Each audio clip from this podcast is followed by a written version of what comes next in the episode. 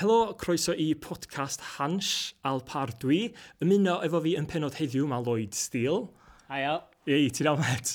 Uh, heddiw, da ni am fod yn siarad am sawl peth. Um, Black Lives Matter, um, mae hefyd yn mis Pride, Mehefin.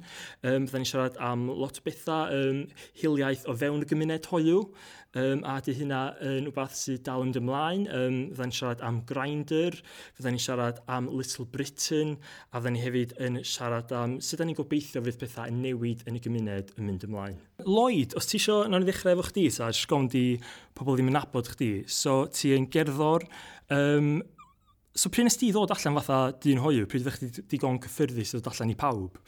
Wel, nes i ddod allan i ddechrau fo efo teulu fi, basically, dyna rhyw bedair mlynedd yn ôl, pum mlynedd yn ôl. A so dyna hynna tra ni dal yn brifysgol yn unig masters fi adeg yna. So nes i ddod allan yn nhw adeg yna, wedyn uh, nes i fynd i ffwr wedyn fel rhan o masters fi, a ni'n byw yn China am chwe mis. So wedyn oedd hwnna kind of uh, cliché kind of, o, oh, nes i ffeindio'n hyn, bla bla bla. Ond oedd actually, i fi, oedd yn teimlo fel adag eitha da, bod o'n i actually wedi meddwl am sut o'n eisiau approachio dod allan a bod o'n i'n teimlo fel i'n barod i wneud. Lly, so, pan nes i ddod yn ôl, oedd yn kind of, o'n i'n dechrau deitha, fydda, ffrindiau agos fi, a wedyn kind of, fydda, ti'n gwybod sy'n mai, fydda, fydda Gogledd Cymru yma, fydda word spread eitha sydyn, so fydda, y pob yn gwybod eitha sydyn. Yeah, yeah. yeah. Ond ia, um, Ola, o'n i bach... Ges i brofiad reit da ddod allan, rili, really, dod oedd ffrindiau fi'n rili gyfrogol. A, um, ia, oedd o'n rili neis, actually, ie. Yeah, oedd o'n teimlo fatha, fatha rhyddid a fatha pwysau ffosgwyd a fi, so. Yeah, oedd o'n good. Oedd ba... O'n i bach yn offended, cos obviously dwi'n apw chdi um, ers... Oh god, ers 2011, dwi'n meddwl, oedd o'n gael yn gweithio mewn archfarchnad eitha mawr yn Cynarfon. so pan eisiau gwlad bod chdi dod allan, o'n i bach yn offended yn fatha, waw, pam wnaeth o'n deitha fi?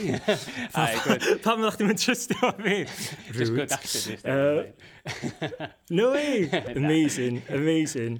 Ti'n ffeindio ddo, um, cos yn si dod allan um, ar ôl gadael chwechad, nes i wneud blwyddyn y chwechad, rili really joio fo, a nes i mynd i wneud performing arts. A dwi'n meddwl, bydd trigro fo i fi ydy bod fi mewn bybl gwahanol, um, ti mewn mm. grŵp o ffrindiau gwahanol, um, ti bron, ti mewn erna just Bangor ydy o, ti mewn environment hollol gwahanol i fi, especially i'n wneud um, performing arts. So, ti'n meddwl, i chdi, fel o'ch chi'n mynd i'r brifysgol, ti'n meddwl, dyna oedd o, dyna pryd oedd chdi digon cyffyrddus i ddod allan? Um, illa, ie. Yeah. Dwi'n meddwl, um, oedd o'n o'n i'n teimlo bach yn ansicr am y peth am amser eitha hir. Um, oedd o'n, dim ond gael, o'n i ddim meddwl amdan y peth lot, a o'n i kind of, dim ond gael, o'n i'n meddwl, fatha, in sense of denial mewn ffordd am flynyddoedd, fatha, dwi'n rili really gwybod pam, so fatha, fatha dwi difaru bod nes i'n dod allan yn gynt, really, ond i fi, o'n i'n teimlo'n gyfforddus pam nes i ddod allan, cos, fatha, dim ond gael, o'n i'n just i kind of meddwl trwy'r proses, a just, o'n i'n licio wneud bod ar telera fi lle bod o'n i'n barod pan o'n i'n barod lle. Mae'n anodd efallai esbonio i bobl straight lle sydd amlwg mae'n gorfod dod allan faint o over, overthinkio sy'n yna, cos o'n i, ti'n meddwl bach fath chdi, o'n i'n overthinkio bob dim, especially yn enwedig pan o'n i'n yr ysgol a ti'n trio cyfnod pob o'ch chi'n um, straight, fatha, iawn lad, met. So, i fi, o'n i bron, yn trin fo fatha, dwi'n meddwl chdi'n jocian am actio bach nôl, o'n i'n bron yn trin fo fath ar ôl, fatha pam ni'n mynd i ysgol, pam ni rownd certain grŵp o bobl, a chdi yn newid y ffordd, da ti'n siarad a... Ie, yeah, tha'r ansicrwydd na fyd, cys tytha, fel ni fyd, da ni fatha, dod o fatha ardal eitha gledig, tha, mae kind of pob yn kind of set in their ways a kind of eitha debyg o ran fatha, fatha straight, gwyn, bla bla bla. So oedd o'n elfen i fi fatha, o'n i'n misio wneud rhywbeth i sticio allan bod fi'n fatha hoiw, sort of thing. So, a exactly, wedyn, yeah, yeah. gan bod ni wedi cadw fo'n ynghydd a mor hir, o'n i'n teimlo wedyn, fatha, obviously, dwi siarad fo ffrindiau falle, a fatha, confide efo nhw a falle, ond heb ddod ar secret eitha mowr yma amdano fi. A dy gynna wedyn o'n i'n teimlo, fatha, just cyn dod allan, a dy gynna ni'n gorfeddwl am, fatha, oh god, fatha, dwi wedi betrio trust ffrindiau fe falle, a ni'n i'n ofyn i beth nhw'n kind of deud. Ond wedyn, obviously, yn diwedd, fatha, yn neb yn really poeni am hynna, oedden nhw'n mwy, falch am y ffaith bod ni wedi gallu bod yn fi'n hun, sort of thing. So, Dwi'n meddwl dyna, pan dwi'n meddwl nôl, lle, so ni'n 18, dyna dwi'n gofio fwyaf di fel nes i ddewis unwaith bod fi'n 18, lle, wel, gyna, actually, cyn bod fi'n 18, o'n i'n teimlo dwi mor gyffyrddus wan i gymharu efo fel o'n i blwyddyn dwytha. So mm -hmm. yn rhedeg fyny i 18 fi, o'n i'n meddwl, dwi'n meddwl, wan, di'r adag iawn i fi'n bersonol dod allan.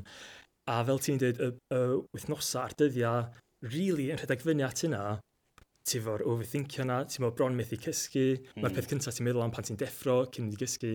A dwi'n unwaith ti'n dod allan, mae'n bach fatha, fatha be o'n i'n poeni am, a ti'n meddwl yeah, yn amlwg, exactly. um, ti'n meddwl ti'n cael yr odd dickhead. Actually, mae hwnnw'n yn uh, chance, da fi ddeud, um, rhybydd fi na cynnwys eiddfed yn y podcast yma, illa fi na um, bach o regu. Um, So mae ddeuwch i fi am hynna. Um, ond ti'n cael yr od dickhead, um, ti'n sylwi ar ôl dod allan sy'n yn ffrindio chdi neu whatever. Um, a ti'n mynd, really, dwi'n mynd, ti'n mynd talu sylw i hynna, ond yeah, heblaw am hynna, mae bron fatha di bywyd fi, mewn un ffordd mae di newid loads, cos fi'n teimlo'n rhydd a ti'n mynd, irai jyst bod yn fi, ond ar y llaw arall, ti'n modd, dydy o ddim wedi newid, mae pobl dwi'n gwybod sy'n caru fi, dal ma'n caru fi, ti'n modd fel? Yeah, exactly, ie, yeah, yn union. Fatha, ie, yeah, mae'n ma rhyddhad fel ti'n deud, ond ia, fatha, dyna pan o'n i'n deud yna, fatha, dwi yn difaru bod nes i'n deud yn byd cynt, cys, yeah, fatha, dos am, dos am bron byd negatif di dod allan o'r ffordd bod dwi wedi dod allan, ia, so, ai, mae'n ma good stuff.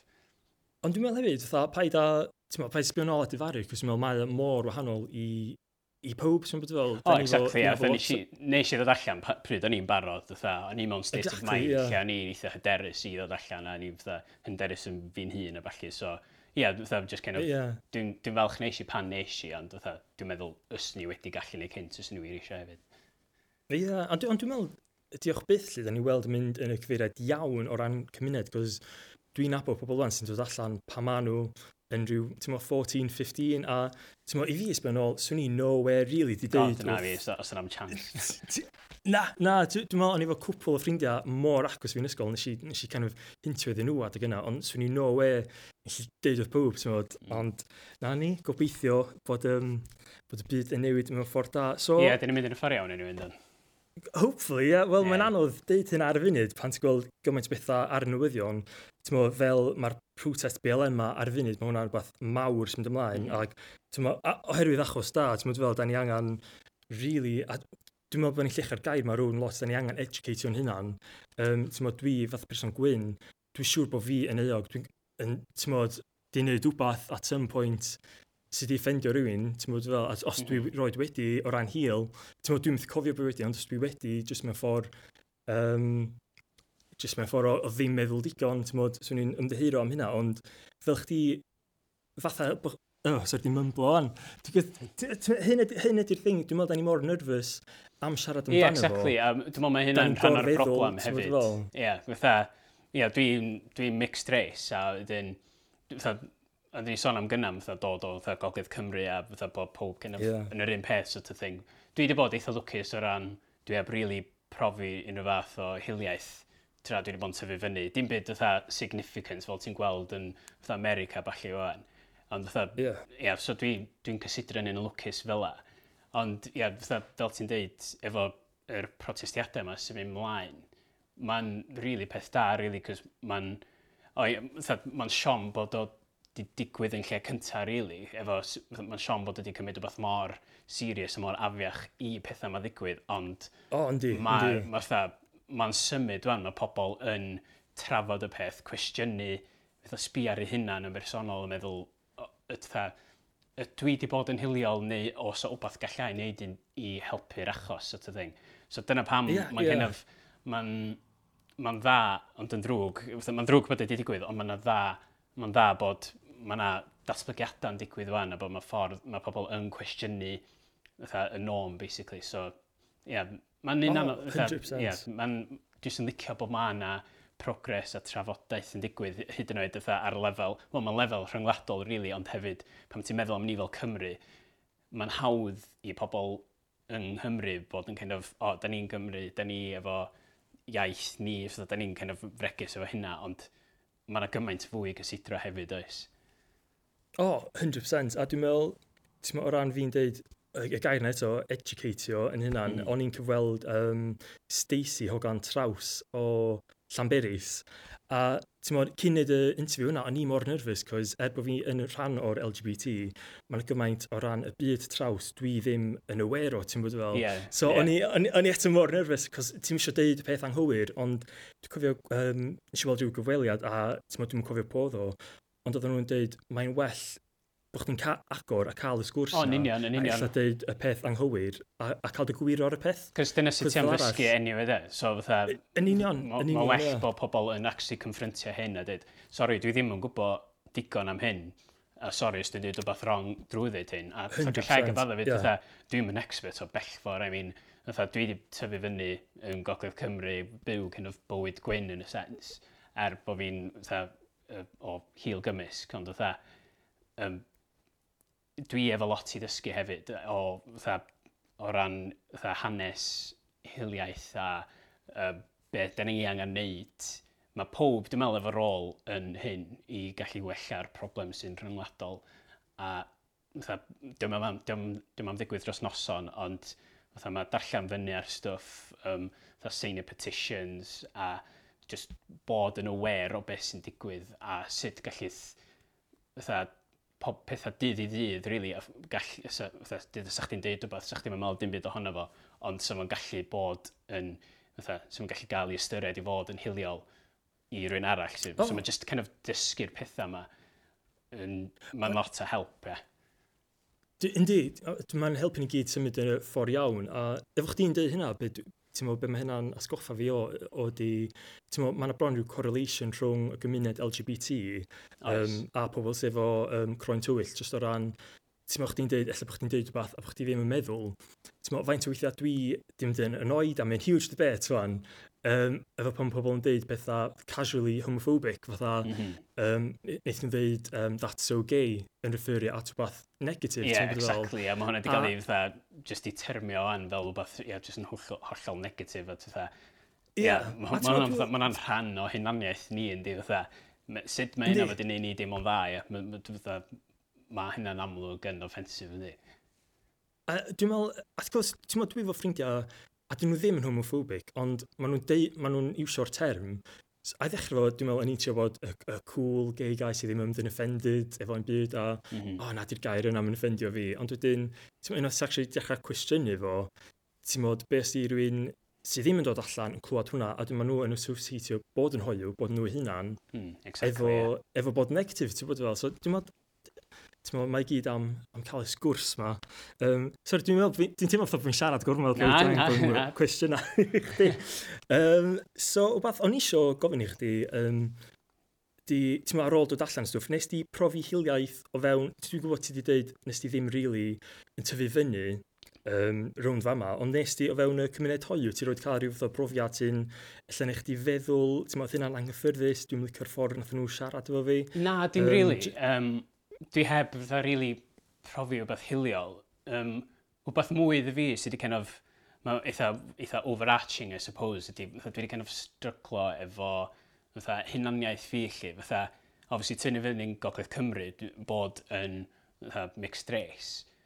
Fatha, don am lot o bobl fatha BAME yn ysgol Syriw, fatha, so adeg yna, o'n i'n teimlo fatha outsider sort of thing, a wedyn, fatha, pan o'n i'n dechrau sylweddoli bod fatha, bod o'n i'n hoiw hefyd. Oedd hwnna jyst yn kind of wbeth arall sy'n kind of gwahaniaethu fi o ddeall pob arall, really. So dwi'n meddwl, dwi meddwl bod hwnna'n rhan o fatha, systematic sort of thing, lle bod fatha, enwedig yn Gogledd Cymru, bod ti'n misio bod yn wahanol i pob arall, gan bod fatha, ti jyst yn mynd i stick out like a sore thumb mewn ffordd. So yeah, dwi'n gwybod hynna ddim yn racist, fatha direct sort of thing, neu homophobic direct, ond dwi'n meddwl bod o'n rhan o'r gymuned sort of thing, lle diolch yn rhywbeth mae'r pobl yn arfer gweld, dydyn nhw'n gweld o'n anghyfforddus i wneud rhywbeth. Er enghraifft, eich sy'n ni yn byw yn, hmm, dwi'n gweld, gan Llundain rhywbeth, eich sy'n wedi bod yn haws, gan bod o'n fwy normal, gan bod mae yna fwy o bobl yna, gen ti fwy o jans o bobl eich i fod yn hoiw neu LGBT, so eich sy'n yna wedi bod yn dod o'n haws. So dyna dwi'n trwy dweud, fatha, di'r racism neu'r homophobia ddim yn direct mewn ffordd, ond bod o just yna heb... Sef, dim rili really angen rwy'n i actio ar efo mewn ffordd, mae just yna.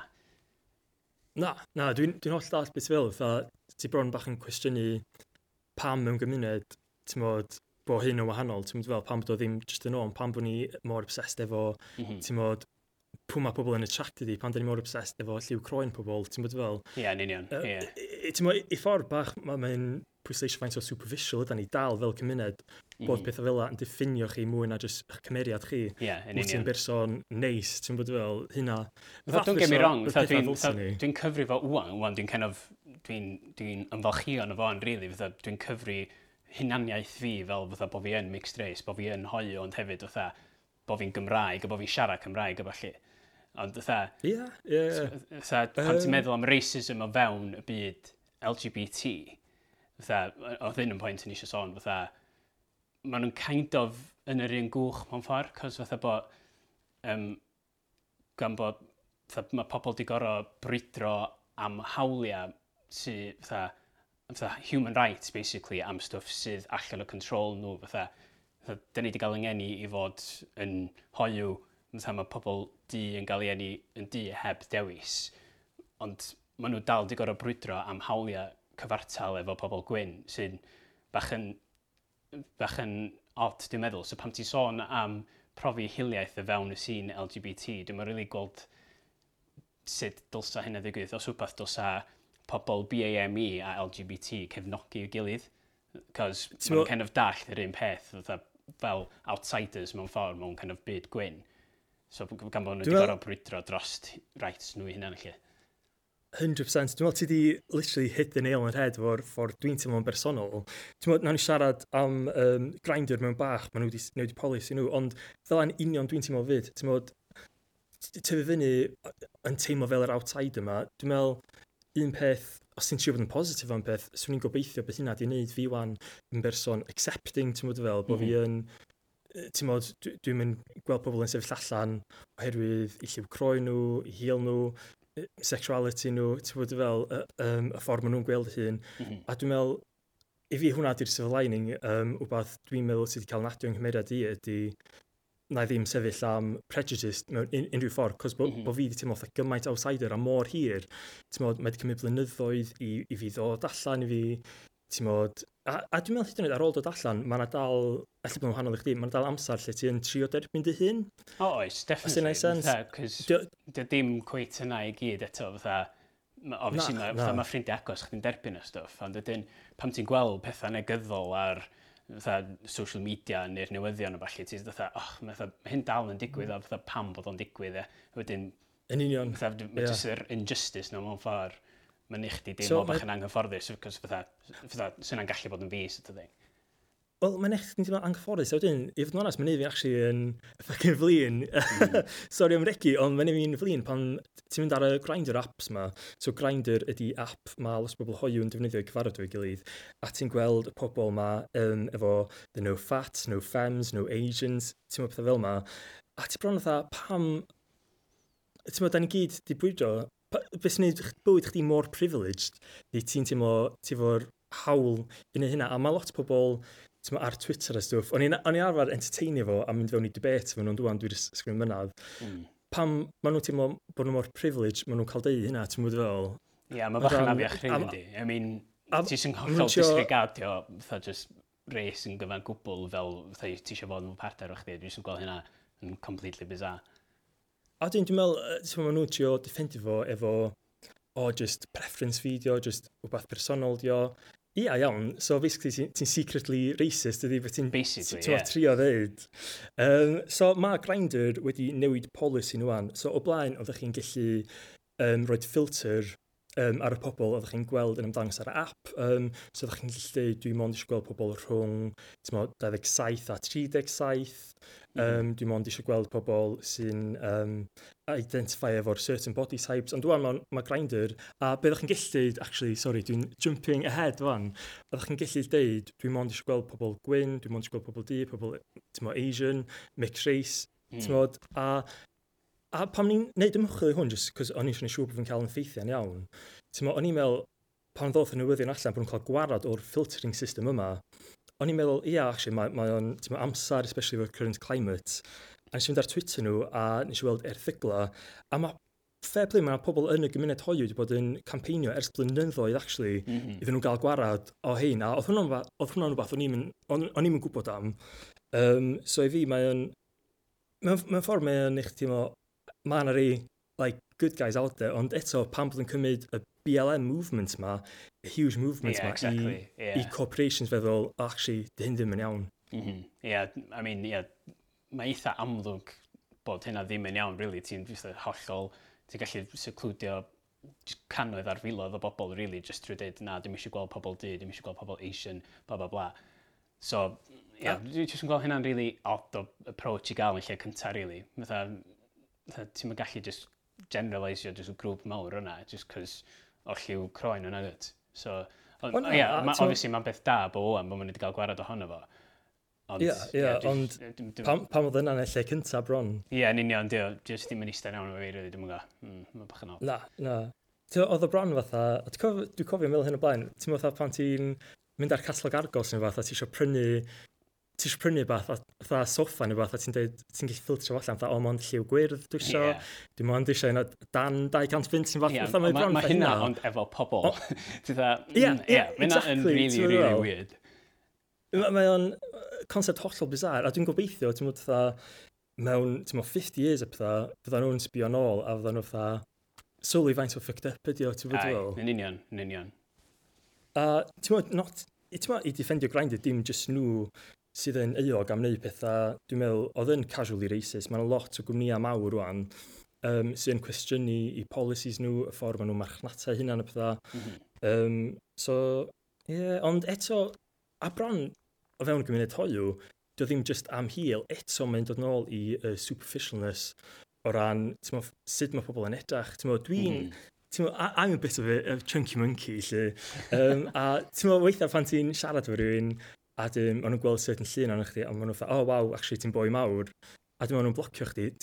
Ti'n bron fatha, oh, nice one, met. Ie, yeah, yeah, fatha, mae hynna'n kind of rhan o'r gay scene, I suppose, sy'n eitha negyddol o'r ffaith bod o'n mor superficial o hynna, just dweud, fatha. Oh, 100%. Felly, just grinded yeah. dim hwn in, fatha, in particular, lle. Fatha, so, fatha, just kind of a dweud, oce, okay, dwi'n licio sydd yn eich, a efo chdi, neu bla bla bla, fatha, neu vice versa, lle. Ond, Ie, yeah, ie. Yeah. Ie, yeah, mae hwnna yn approach bach yn ot, really, yndi. Ond dwi'n meddwl mae'r step o gael gwarod o'r filtering system na yn, obviously, yn step in the right direction, yndi.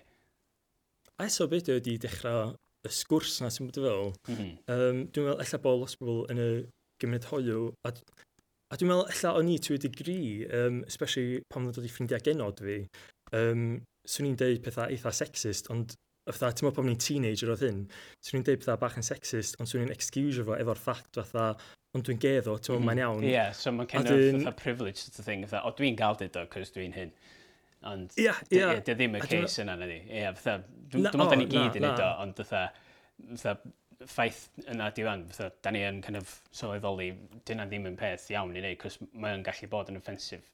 A fatha, Cys dy ddim i fyny pwy bynnag sy'n deud y joc i fod, ytha, os na dyna beth sy'n offensif yna. Ytha, na, na. Person yn receiving end sy'n mynd i weld, o, oh, ia, yeah, mae hyn yn hiliol, neu, o, oh, na, dwi'n gael hyn yn homophobic, so, neu dwi'n gael hyn yn sexist, yeah. er enghraifft. So, ytha... So, cos dwi'n neud stand-up a dwi'n dwi siarad lot am mo, bod fi yn a a, a dwi bron fatha, dwi'n gwneud caricature, caricature version o fi yn teenager, lle dwi yn siarad fatha thwp camp a stwff, mm, lle yeah. ti'n ti gri, o'n i yn siarad mwy fel o, ond dwi'n teimlo bron, teimlo hwnna'n autobiographical, mm. ond ffordd a dwi'n cael ei wyl ar ben yn hun, cos dwi'n meddwl ti'n digri, um, dwi wedyn yn cymryd pus allan o'r pobl straight, na ti'n bod fel, yn bywyd fi, fatha, bron dim fi ydy'r joc o pobl straight na, oedd yn offended di'r joc. So, yeah, yeah. a dwi'n meddwl, mae'n interesting bod ni'n siarad am jokes, cos mae'n dod â ni eto nôl i Little Britain ar fyny. Sut ti, be di barn chdi am, yn amlwg maen wedi cael ei tynnu off Netflix wan, mae'r uh, creators, um,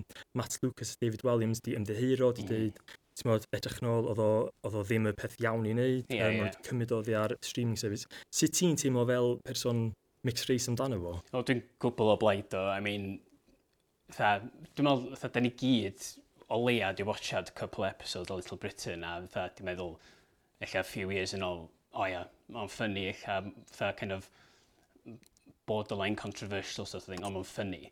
Ond dim ond mae pethau wedi newid dwan, cos o'r holl dysgu yma da ni'n neud am beth sy'n gael ei ystyried i fod yn hiliol. Fatha so'r whole peth efo Little Britain ydy bod ydyn nhw'n neud y blackface peth de wedyn maen nhw wedi tynnu fel awr yn mynd cos gadw bod gwmwyd o mor offensif i pobl di. Ond be, be dwi ddim yn ddall ydy sut mae gymaint o bobl yn outrage dyfo'r peth yna.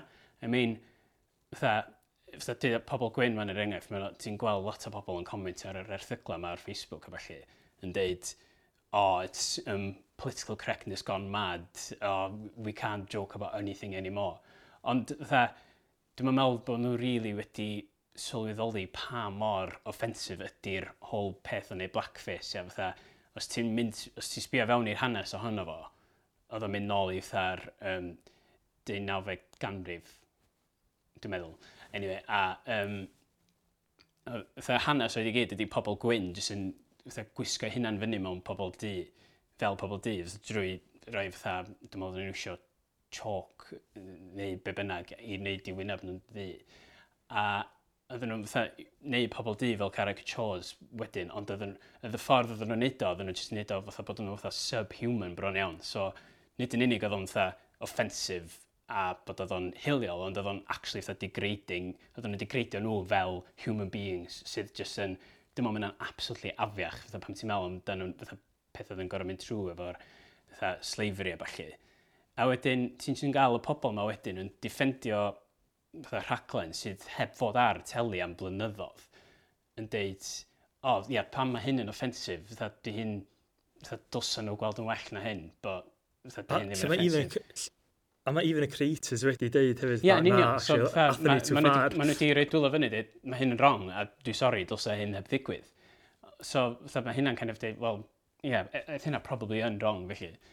A so fatha, yeah. mae'n dod i pwynt fi eto lle, fatha, mae'r pobl yma sy'n comentio yn fatha dweud, o, di hyn ddim yn offensif, ond dy ddim yn lle nhw, really, i ddeud be sy'n offensif o ran jokes pobl di neu jokes homophobia neu transphobia. Ti'n, mae hyn i gyd i weld ar y sioe yna.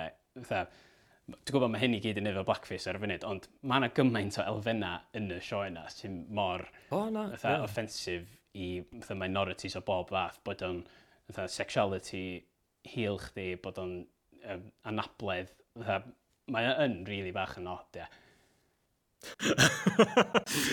Dwi'n dweud gael ein tefa casualty am feth, ti'n fatha, ti'n meddwl, am y racism yma, a ti'n fatha, ie, dyna bach yn weird oedd, fatha. Na, ie, dwi'n gweld o'n, mae o bach yn bizar lle, fatha, o'n adag lle oedd hyn i gyd jyst i weld yn gwbl acceptable na neb yn gwestiynu fo. Ond ydyn... O, oh, na, no, ie. Yeah. Wedyn, ond obviously pam ti'n sbio fewn i mwy, o, fatha pam... Fatha, do'n i'm yn gwybod am lot o hanes y blackface mewn, dydyn pam nes i ah, sylwi fo, nath o neu fi gwestiynnu lot. A ni'n meddwl, ella, fatha, obviously, dydyn nhw'n yn neud hynna ar y sioe, as in, dydyn nhw'n yn neud hynna i fod yn racist, ond dwi'n meddwl mae'r ffaith bod maen nhw wedi neud yr act o fod yn blackface yn lle cynta yn digon racist yn ei hun. I mean, fatha, be ni'n ni meddwl am, oedd yn kind of cymharu fo fel bod rhy mor offensif a dyd os rhywun yn eitha fatha nazi salute, er enghraifft. Dyd dyd os rhywun chdi rhywun gweld, gweld rhywun neu hynna yn ganol stryd, sa chdi fatha, mae hynna jyst mor anerbyniol, ie. Dwi'n meddwl mae hyn ar yr un kind of league a hynna, so bod yr actual act o wneud, o fatha dio dy hun, i just er mwyn elfen comedy, dwi'n meddwl mae'n jyst yn gwbl, gwbl wrong, ie.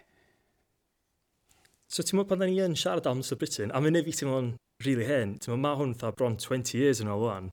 Uh, nice, in it, really, yeah. I mean, crazy, cos dwi'n cofio, ti'n meddwl, ar teli, a dwi'n pwb yn dod i ysgol, ti'n meddwl, diwrnod wedyn neu bath, neu just y weekend wedyn, a dyn, oedden nhw gyd yn quotio y sketches ma gyd. A dwi'n meddwl, ti'n meddwl, oedden siarad ar dechrau'r podcast am symud yn ffordd iawn, ti'n meddwl, yn y 70au, beth gath hefyd backlash um, dwi'n meddwl, diwrnod ar ôl Little Britain oedd o, oedd Faulty Towers, which dwi ddim, yeah, yeah. dwi'n di gwachod o gwbl lle. Ie, yeah, na, fi'n ychwaith, uh, gwir, so ie, gallem rili deud am yna. Na, na, ond tyma, y bandi oedd nhw'n iwsio, ti'n meddwl, sawl gair hiliol a stwff, a dwi'n meddwl yn reiddiol, gath nhw'n tynnu lawr, um, wedyn mm -hmm. nath, um, y dyn nath sgwennu fo a syrennu fo, nath o deud, ti'n meddwl bod o o amser pethau. Dwi'n meddwl maen nhw wedi cael ei re-uploadio wwan, maen nhw wedi editio certain bits allan, dwi'n wedyn, ti'n pan ti'n mynd 20 years yn i hynna, ti'n yn America, a dyma nath gwylltio fi lot am y BLM movement, oedd pobl ar Facebook yn dweud, ia, ond America, dy, dwi'n yn dwi'n mynd fama na, di hilaeth ddim yn fama, a ti fatha, yndi ddo, un mae hilaeth yn fama'n barod, a yn ail, mm -hmm. mae gymaint o beth sy'n digwydd um, culturally yn America yn effeithio anna ni, ti'n bod fel. So, iddyn nhw dweud, yeah, ia, yeah. America, di o ddo, mae, mae mor ignorant, ti'n bod fel. Um, yn America yn y 50s, oedd chdi efo segregation, ti'n mo, um, oedd pobl yn gorfod i ysgolion gwahanol, um, oedd yn cael wisio un toileta. Um, yeah. Dwi'n meddwl y ceis mwyaf amlwg ydy Rosa Parks. Um, ti'n meddwl pan nath i nath i refusio mynd i cefn y bus. Um, mae hwnna'n stori... Ie, yeah, Oedd hwnna'n movement mowr yn ei hun, really, oedd. Cos oedd mor controversial o beth i wneud ar yr adeg. Sy'n, pan ti'n meddwl nôl, well, Yndi. Mewn dan hynna o'n, mae jyst yn, fatha, obviously, sa chdi'n cymryd, sa chdi'n cael eistedd ar ôl ar y bus a gael cymryd off y granted lli, ond mae'r ffaith bod hi jyst yn rhywbeth fel a yeah. ar y pryd, ond yn gymaint o big deal ond dangos feint y broblem oedd ar y pryd, ynddi? Ond da hefyd, ti'n modd, o ran women's right hefyd, i dynas um, croen tywyll wneud hynna ar y pryd, ti'n modd fel, mae bron fatha, ti'n modd, unthinkable, fatha, bod hi'n cwestiynu ti'n meddwl, y rheol yma bod hi actually dweud, na, ti'n meddwl, hyn ddim yn iawn. Mm -hmm. Ond dwi'n meddwl, dwi'n meddwl mention o fo, cos um, mae'n amser mor chaotic ar fyny, ti'n trio bod yn positif. Yr unig beth edrych cymryd o hwnna ydy mae'n e mor barbaric, ti'n mwyd fel, yn y 50au. Ne. Ti'n mwyd, benath y, uh, y geirau oedd yn cael defnyddio yn y 70au for comedic effect. Ti'n mwyd, swn i'n bron gobeithio bod ni yn mynd yn y ffordd iawn, ti'n mwyd fel. Da ni, da ni definitely yn mynd yn y cyfeiriad iawn, ond ytha, mae yna dal lot sy'n angen gael ei wneud hefyd, oes. Ytha, yeah. so fatha, obviously, fatha, fatha dysbio yn ôl a beth sydd wedi digwydd i George Floyd a falle, mae yna gymaint o enghreifftiau eraill lle bod gymaint o pobl ddyd yn marw heb ddod angen, oh, just yeah. cos o um, fatha, police brutality. Mm. Mae, ma dal yn broblem mowr, ond mae yn gwella, a mae'r mae symudiad yma wan wedi gwneud push arall, dwi'n meddwl, i ni yn y cyfeiriad iawn. Lle, so, ti'n mynd 20 mynydd yn ôl bob tro, so chdi gobeithio o weld wedyn mewn 20 mlynedd bod ni'n dysgu fatha genhedlaeth nesa yn dweud fatha mae racism just yn rhywbeth sydd fatha yn hollol barbaric a yn hollol anerbyniol. So fatha, dyna dwi'n gobeithio bod, so wedyn bod George Floyd i gadael legacy fo wedyn. Oh, ie. Yeah. Yn, y, yn y pwynt o ddeud, ie, yeah, mae hyn, da ni'n byw mewn byd gwahanol wan, lle mae pob yn cael ei drin yn gyfartal a bod bod di hilaeth jyst ddim yn bodoli. A ti'n meddwl... Ideally. Mae'n dod nôl, ti'n meddwl, dwi wedi dweud hyn sawl gwaith, ond correlation efo i bod yn Pride Month, efo gay rights a pethau hefyd, ti'n mhm. meddwl fel, um, mm -hmm. ti'n meddwl, o, oh, dwi'n dwi meddwl 2013, mae'n 2013, gatho ni yr hawl i briodi, ti'n meddwl fel, a yeah, bron exactly. er na, yeah. sy'n meddwl saith mlynedd wedyn, dio, mae bron, dwi'n methu coelio bod, bod hwnna roed i bod yn gwestiwn, Os dyna'n neud sens, fatha pam oedd yeah, ni ddim exactly efo yeah. hawl yna. So, Dy bod ni fel pobl hoiw yn y genhedlaeth yma o'n actually eitha lwcus i gymharu. Fatha, da ni'n ni gael stwff, da ni'n gael neud be dylsa ni. Wel, da ni'n mynd lwcus, da ni just yn kind of, da ni, fatha, da ni'n gael neud y stwff da ni'n heiddi gael neud, whereas sa'ch ti'n mynd fatha, 20 mlynedd nôl neu 40 mlynedd nôl, so chdi heb gael ni'n at all na sa. oh, so, na, na. Ydy gyna, o'r ochr yna, da ni'n lwcus, ond fatha, dos ni jyst di gael nid hynna all along. lle. Ie, yeah, ie, yeah, ie, yeah. mae bron bach dda, um, backhanded compliment, lle, ti'n mae'r government fatha, o, oh, ai, go on ta, gewch chi uh, rai ti priodi wan. So, da ni fatha, o oh, ie, yeah, ti'n fatha, nice one. Lle, rili really, pan ti'n cwestiynu'r peth, fel ti'n dweud, ti'n fatha, o pam dda ni'n cael yn lle cynta, ti'n meddwl, dwi'n Ie, yeah, yn union, yn union. um, Ond, o leia, mae yna progres, a da ni'n mynd yn y cyfeiriad iawn efo homophobia a hiliaeth hefyd, so, Go I mean, yeah, it's looking gobeithio. good, dwi'n meddwl. Dwi'n siŵr amdano chdi, ond dwi'n ffeindio oh, yn y last couple of weeks, mae'n gymaint o stwff di bod. A, a dwi isio, mae'n bwysig bod pobl yn rhannu straeo nhw a profiadau nhw a pethau, ond dwi'n siŵr faint o aml ti ar um, social media lle, ond mae bron i'r pwynt o'n lle dwi jyst weithiau dwi'n gorau cymryd brec ohono fo, dwi'n gorau just peidio sbio arno fo am few days, just cos mae gymaint o um, Dwi'n eisiau dweud yn educated, cos mae'n mae swnio oedd bod fi'n dweud mewn ffordd sbeitlyd, ond dyna dwi'n feddwl, um, mae yna mm. gymaint o bobl yna sydd ddim sydd sy ddim eisiau newid. Mae'n literally, dyna di'r case, cos dyn nhw'n jyst yn rhoi barn nhw heb even sbio fewn i'r pwnc yn iawn. So, ie, yeah, ti'n hollol iawn yn dweud bod mae'n o bobl yn educated, jyst yn splitio geiriau allan heb rili really feddwl am beth maen nhw'n dweud, a sut mae hynna'n gallu bod yn offensif i rywun. Oh, so, yeah. so dyna di'r thing, really, fatha mae ma gymaint o waith gallith pob wneud just drwy sbio fewn i be sy'n gallu bod, be sy'n gallu gael ei ystyried i fod yn hiliol a edrych fewn i hanes hiliaeth, dyn unig yn America, and literally fama yng Nghymru, mae yna storys o fama hefyd. Dwi'n neb really yn eog o hyn.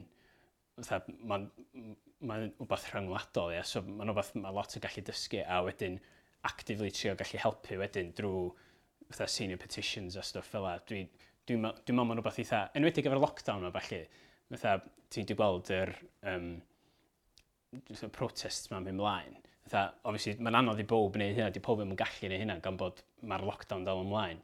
Ond mae'n dal ffyrdd eraill gallu pobl helpu'r achos the, the wider case mewn ffordd yn rhwngwladol drwy, drwy sbio fewn i fo um, a senior petitions efallai. Just the pethau bach fel la, ma, os mae pob yn neud hynna, mae'n mynd i mae'n mynd i helpu lot a mae'n mynd i bwysio ni pellach ymlaen yn yr cyfeiriad iawn ni.